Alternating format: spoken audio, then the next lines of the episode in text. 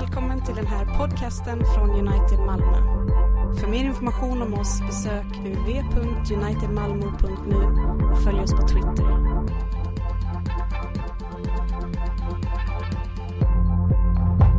Vi fortsätter där vi eh, slutade igår och vi läser ifrån Kolosserbrevet 2, vers 1 till 10. Och vi har så att vi sätter upp den där.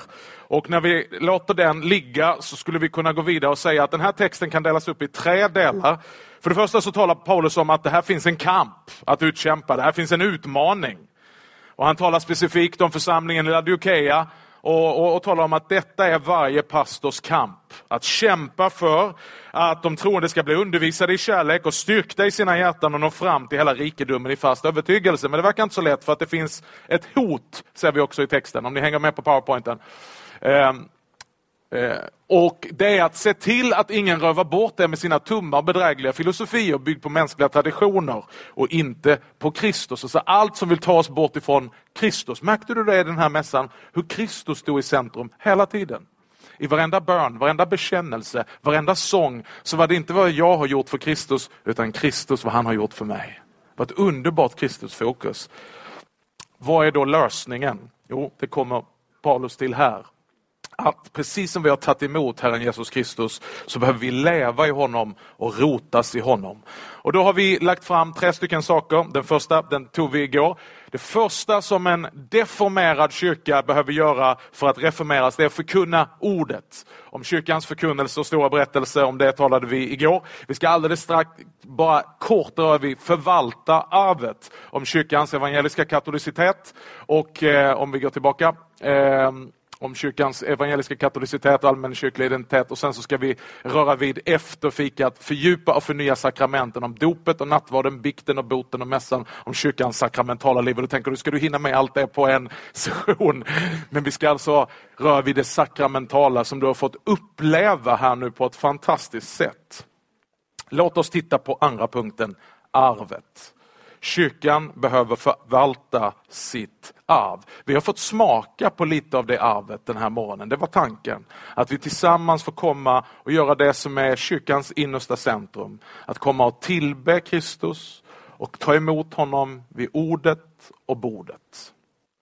Jag gläder mig, säger Paulus, när jag ser er ordning och fasthet i tron på Kristus. Du vet det här att börja en lördag förmiddag, relativt ung skara, i en konferens och tala om ordning och reda. Det är inte att vinna popularitetstävlingar. För det här med ordning, det är svårt ibland att få ihop det med Kristus. Utan vi har ju liksom en bild, speciellt om man kommer från min tradition eller allmänt bara är en frifräsare i Herrens armé, att det här med Kristus innebär liksom full frihet, inga begränsningar. Och ändå säger Paulus, en av de grejerna som gör att jag finner tröst, det är att jag gläder mig när jag ser er ordning och fasthet i tron på Kristus. Alltså inte som motsatser, utan som förutsättningar. Det är väl härligt när man kan ha liksom full frihet, noll begränsning. Men det är väldigt härligt med ordning också, inte minst när liksom trycket ökar. Det är väldigt härligt att det finns en ordning som vi inte ens har en aning om i den här lokalen. Det finns bjälklag, det finns pelare. Vi sitter inte och tänker på dem hela tiden.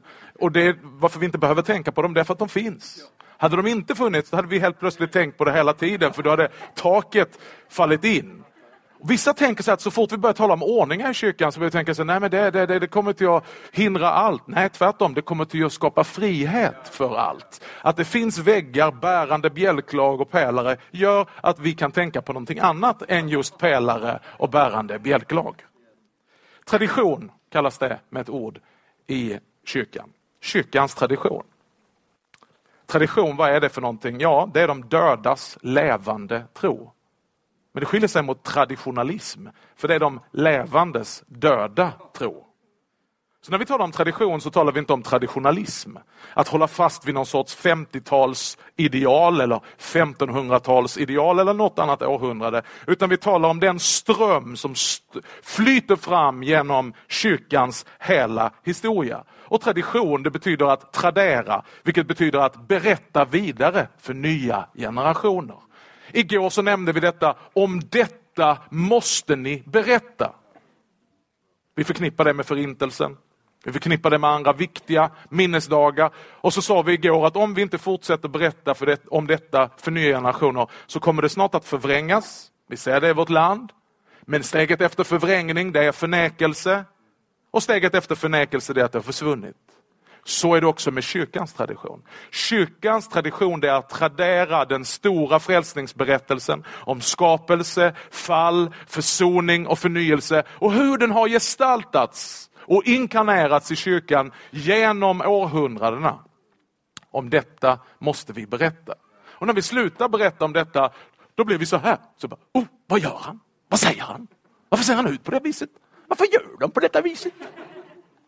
Vi blir rumpnissar allihopa. Varför det? Därför att vi har inte traderat.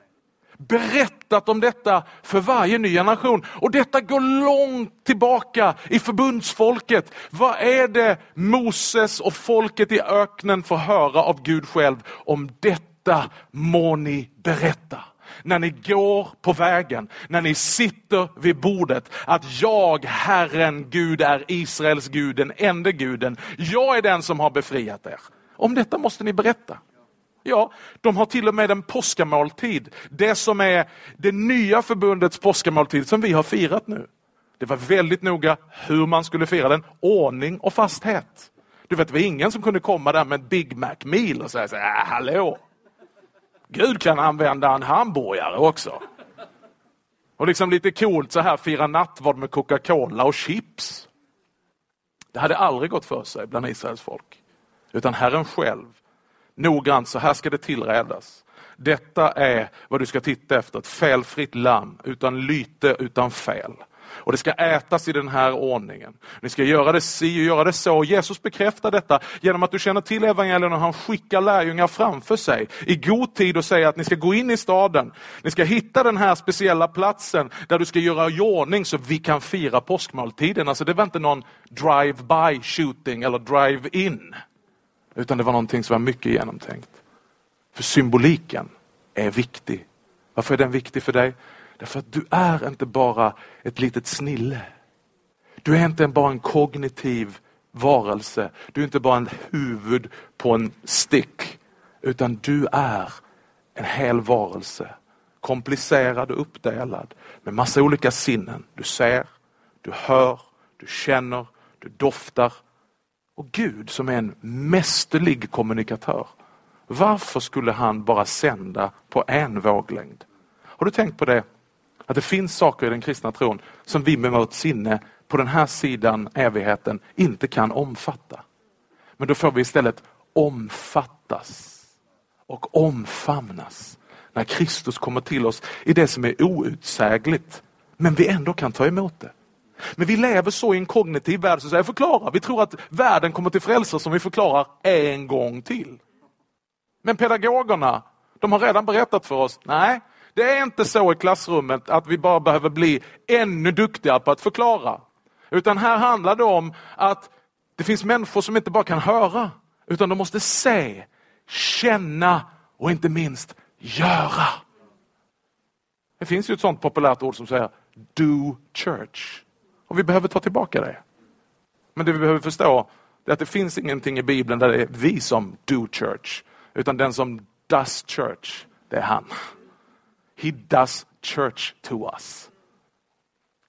Han rycker in oss i denna gestaltning och vi får inte bara höra utan vi får också se, känna, uppleva, smaka och göra. Och därför så behöver vi ta fasta på den här traditionen så att Paulus som han hade tittat in i vår församling skulle säga, jag gläder mig. Jag gläder mig när jag ser er, er ordning och er fasthet i tron på Kristus. För det kommer till att hjälpa er att rotas i Kristus och stå emot detta hot som finns från de som vill förleda er. Paulus refererar antagligen till den ordningen som han la ner i varje församling. Vi kan läsa om det i första Korinthierbrevet. Det är inte ofta man citerar från Nya Testamentet 81, men det ska jag göra nu. Därför har jag skickat Timoteus till er, mitt kära och trogna barn i Herren. Han ska påminna er om detta må ni berätta.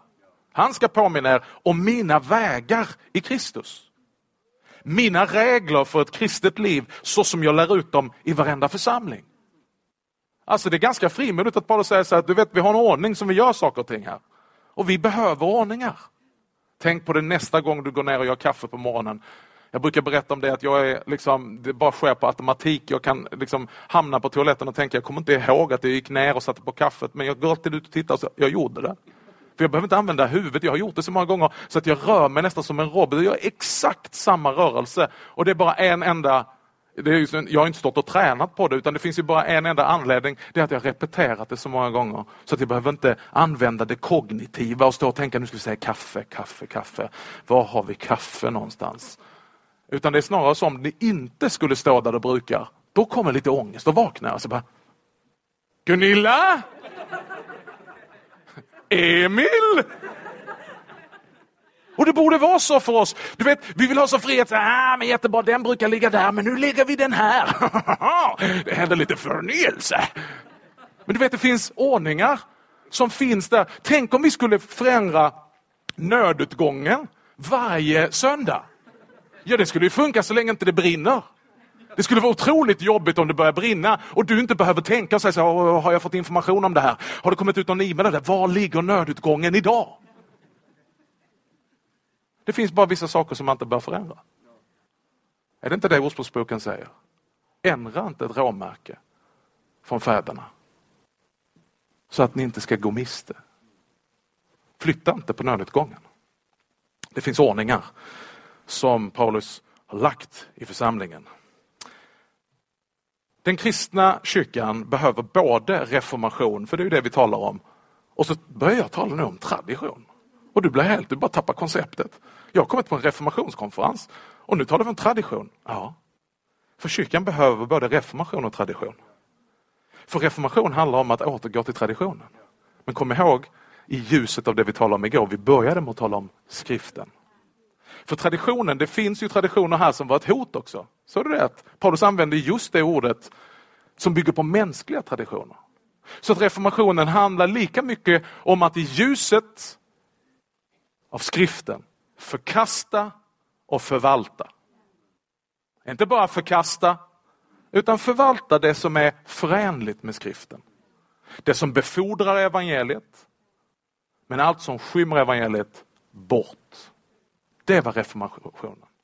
Reformationen var inte antitradition, utan det var anti det mänskliga bålverket som hade dolt evangelium. När kyrkan överger traditionen, det är då reformation kommer. När kyrkan spårar ut och börjar göra någonting som inte är kyrkligt, som inte är förenligt med skriften och evangelium och så som evangeliet har inkarnerats i kyrkan, det är då Gud sänder profeter. För Martin Luther han var ingenting annat än profet. Det är profeter som kommer genom hela gamla testamentet. De kommer inte med någonting nytt. Den som kommer med någonting nytt det är när Israels folk har börjat spåra ur. Börjat anpassa sig efter hedningarna runt omkring och börja tillbe avgudar, då kommer profeten, och du kan ju läsa om det i hela gamla testamentet, och säga vänd om. De kommer inte med någonting nytt utan de pekar tillbaks till vägarna i Gud. Och på samma sätt så kommer Luther. Han pekar inte ut något nytt utan han reformerar för att vi ska komma tillbaka på vägen.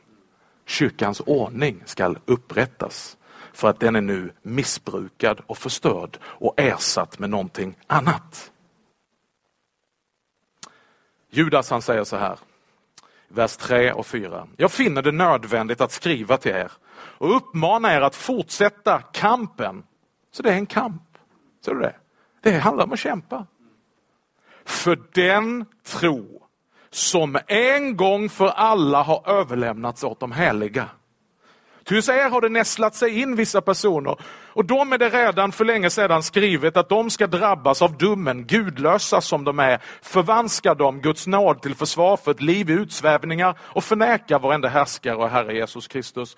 Det där är ett ord som beskriver medeltidens kyrka. Man hade börjat förvanska Guds nåd och försökt skapa sig ett alibi till försvar för ett löst leverne och utsvävningar. Och då reser sig, likt Judas på den här tiden, så reser sig Luther upp och säger vi måste nu utföra en kamp för att vi ska bevara den tro som en gång för alla har överlämnats åt Guds heliga, vilket är kyrkan. Detta är den stora kristna traditionen som flyter som en andens ström så som blodet flyter i din kropp. Genom kyrkan som är Kristi kropp över 2000 år. Vet du vad? Den andliga ström som vi kan kalla för tradition men framförallt är evangeliet. Den sinar aldrig ut. Den kommer alltid till att finna nya vägar. Den finns där som ett andligt DNA i Kristi kropp. Och vet du vad? När man börjar jobba emot sitt eget DNA och när man försöker bekämpa sina egna gener, ja då tappar man bort sig själv. Man är den man är. Det är bestämt av DNA och generna som finns i kroppen. Kyrkan kan aldrig bli sig själv om hon inte accepterar DNA och den andliga livsström som flyter i hennes kropp. Jag är väldigt lik min pappa och med detta har jag kämpat. När jag ser honom, du vet han har en hållning som är värre än en gammal ardenner. Pappa om du säger detta så ta det som en uppmuntran. Du är ju en hästmänniska. Men du vet, han, han är liksom säckat ihop så att han, han går med en väldigt dålig håll. Och jag blir alltid störd med det. Och sen så kommer Gunilla när jag sitter vid min dator och arbetar och säger, nu sitter du som din pappa. Ja, jag tror att det finns någonting jag kan jobba med hållningen, men det är precis som att jag kämpar emot mig själv. Det sitter i generna. För jag är min fars son.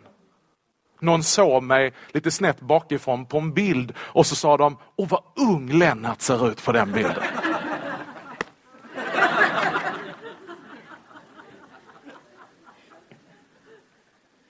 Kyrkan kan inte kämpa emot den andens livsström som finns, för då spårar hon ut.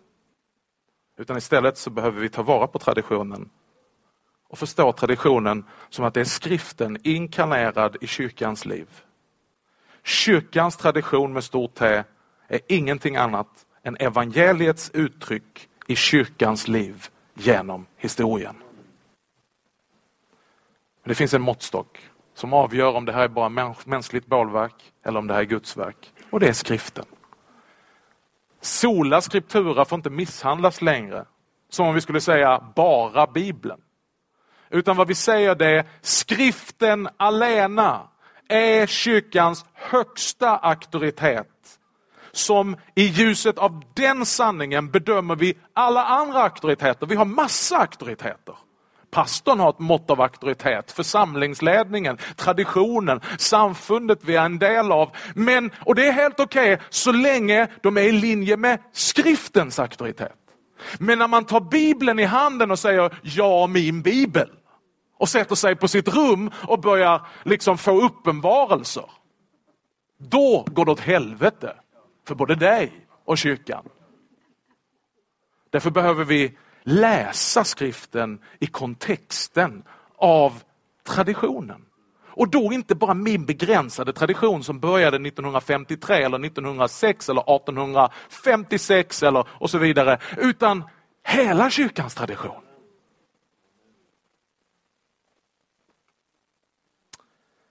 Lyssna här. The present is never understood by looking to the future We understand the present by looking to and understanding the past.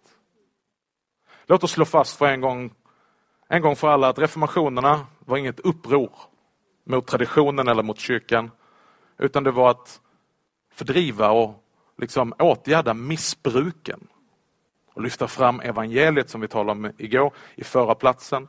Att Kristus kom i centrum, men att faktiskt bevara goda ordningar, precis som Paulus säger till församlingen.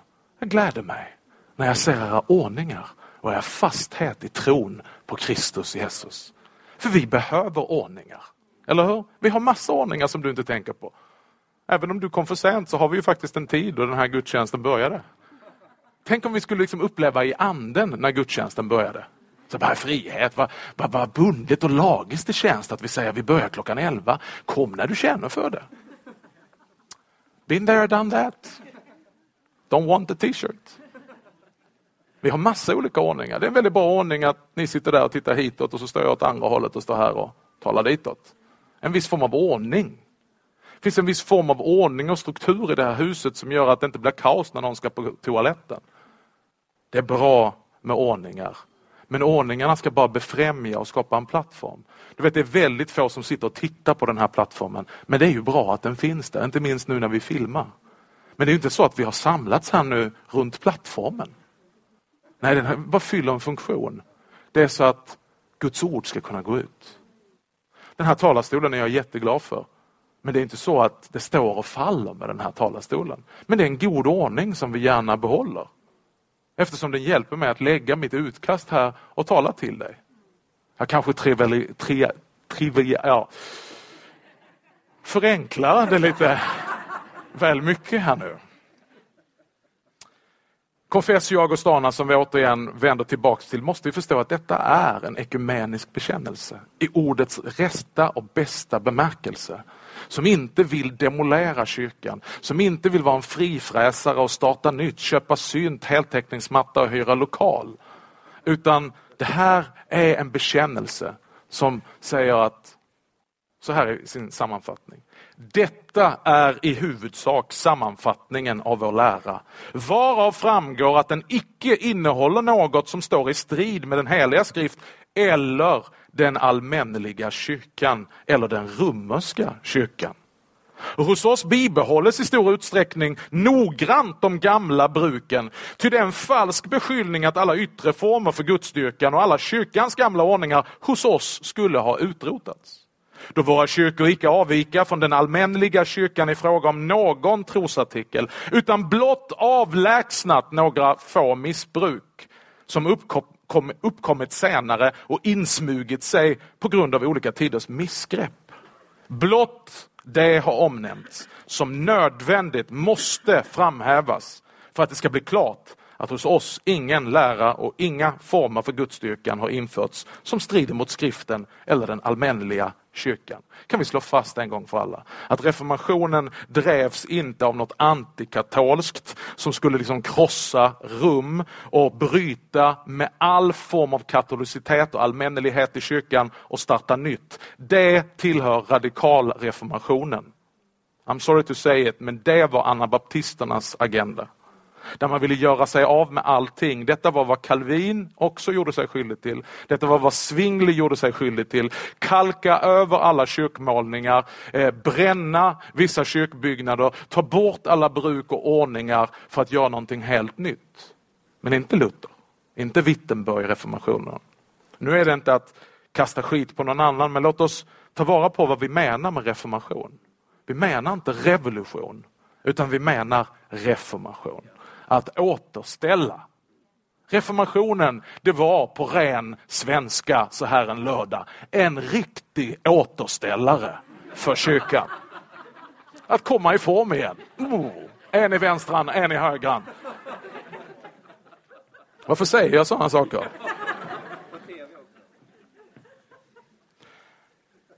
När det här går vidare så ser vi att detta arvet är vad som fångas upp också i de som vi känner oss väldigt förenade med. Jag kommer till nämna det sen, vi kommer till ha ett väldigt intressant panelsamtal här, men portalfigurerna för mig in till lutherdom och det som Lutherreformationen står för, det är två svenskar som jag håller mycket dyrbara. Egentligen kan man säga att jag förstod inte riktigt Luther förrän jag först fick läsa Rosenius. En av vår tids stora, verkliga väckelsehjältar i Sverige. Under hela 1900-talet var han tredje mest författ lästa författaren i hela, av alla Sveriges författare. Bara slagen av August Strindberg och Selma Lagerlöf. Respect. När jag fick tag i Rosenius skrifter så började jag helt plötsligt förstå Luther kan bero på att 50 procent är citat. Och han besvärar sig inte heller av att liksom ha fotnoter eller någonting sånt. Utan man får bara lita på att det här är Luthers någonstans. Men det är helt tydligt att i Rosenius har vi fått en gåva till Sverige. Luther inkarnerad i en norrlänning en kaj, sträv norrlänning som verkar ha en arbetskapacitet, på tal om, tal om arbetshäst. Som under ett liv, misslyckad teologistudent var han, fick aldrig bli prästvigd. Men skriver skrifter och gör tidningar och en av tidningarna har vi här med oss idag. Som bär vidare hans arv. Rosenius var en portal för mig att upptäcka Luther. En annan portal som jag ska snart citera var Bo Giertz. Hela vår kyrka läser Bo Giertz på morgnarna. Eller ja, i teorin läser hela vår kyrka. Inte Magnus Thunehag. Men eh, eh vi följer hans dagliga betraktelser och andakter. Och, oj vilken rikedom. Vi är inne, vi har kört några varv nu och eh, jag bara tänkte på det idag. Han talar om Johannes 10. Tjuven som kommer för att slakta, stjäla och döda med den gode herden. Så målar han upp den här vackra bilden som inte är så vacker om vad det innebär att vara en herde. Bo Giertz, han säger så här. I motsats till dessa ensidigheter som vi talade om innan. Det här att man bara liksom målar över allting, stympar eller förstör liturgin, kastar ut nattvardsfirandet eller gör om det. I motsats mot dessa ensidigheter så vill vår kyrka vara både sant evangelisk och sant katolsk. Vi kan under inga omständigheter vika från skriften och dess budskap om frälsningen. Vi räknar sanningen om trons rättfärdighet, talade vi om igår, så som Paulus predikade den och Luther återfört den fram i ljuset till kristendomens omistliga skatter. Och när den kyrkan må heta vad den vill, det får vara en påskkyrka, pingstkyrka, julkyrka, missionskyrka, baptistkyrka. Men när denna omistliga skatt inte är front and center i sång, i bön, bekännelse, hopp och tillförsikt, då måste det reformeras. Men å andra sidan säger de lika klart att vi på intet vis bildat någon ny kyrka, utan vi vill bli vid den gamla katolska och apostoliska. Vi måste lära oss att få ett nytt förhållande till ordet katolsk. För så länge vi kommer att bekämpa det så kommer vi se konverteringar nonstop där man inser jag måste gå dit för att få fullheten av kyrkan. Vi behöver istället göra anspråk på det som reformatorerna säger, nej du behöver inte konvertera någonstans. Vi är den enda, ena, heliga allmänliga katolska apostoliska kyrkan. Welcome! Vi står i detta flöde. Låt oss göra anspråk på det vi är och kalla det vad det är vid dess rätta namn. Allmänneligt, allomfattande, helheten. Och den får vi del av när vi upprättar ordningarna. Det handlar inte om att bryta sig ut. Det handlar inte om att dra. Det handlar inte om att emigrera. För man kan som bekant inte flytta ifrån sig själv och de problemen man har. Oj vad jag har följt unga människor som tänker att om jag bara flyttar, om jag bara drar så kommer allting till att lösa sig. Och man lämnade allting bakom sig, mycket bra grejer, men så insåg man, jag är fortfarande med i spelet.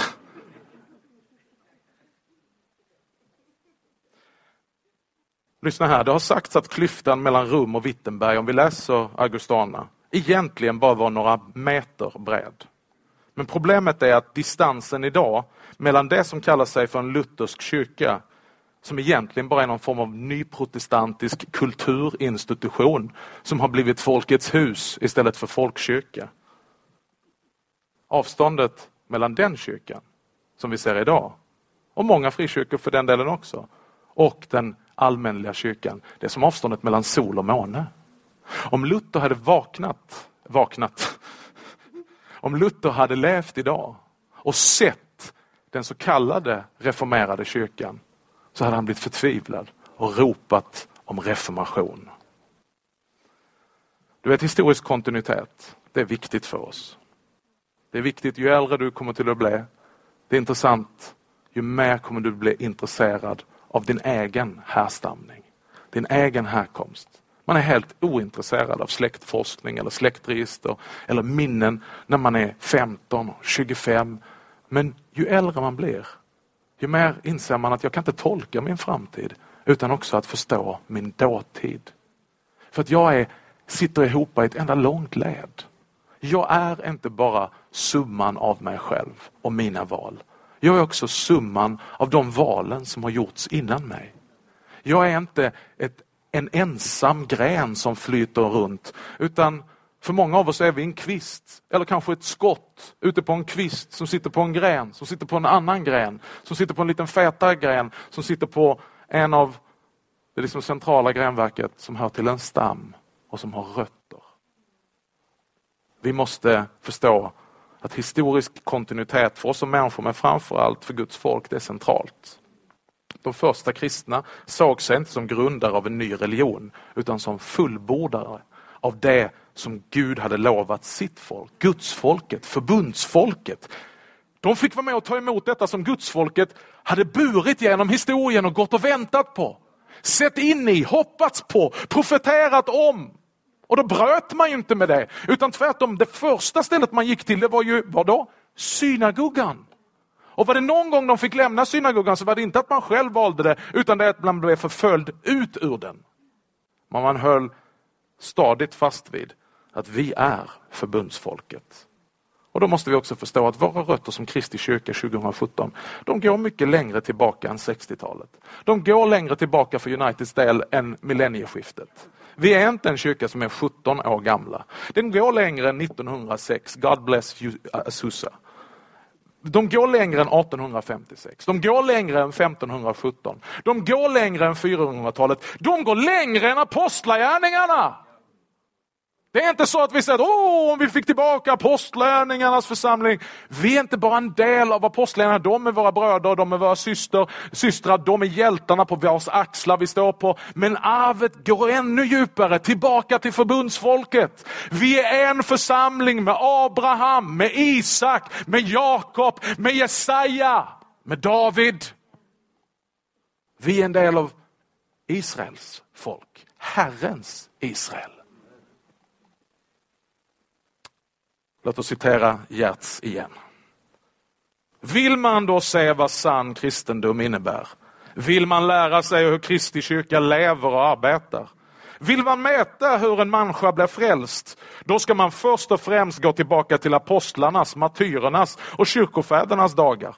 Därnäst ska man sätta sig ned och begrunda reformatorernas budskap. Och slutligen ska man inte glömma de benådade själasörjare som Gud skänkte vår kyrka under förra seklet och genom vilka han gav oss de djupgående kyrkväckelserna av vilka alla kommande tider har något att lära. Detta är det tredubbla arvet. Fornkyrkans, reformationens och väckelsens som nu ska förvaltas och levandegöras.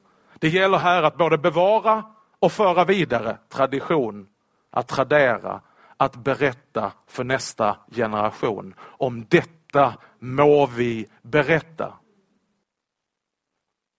och göra det levande för nutiden. Vårt arbetsprogram blir alltså detta.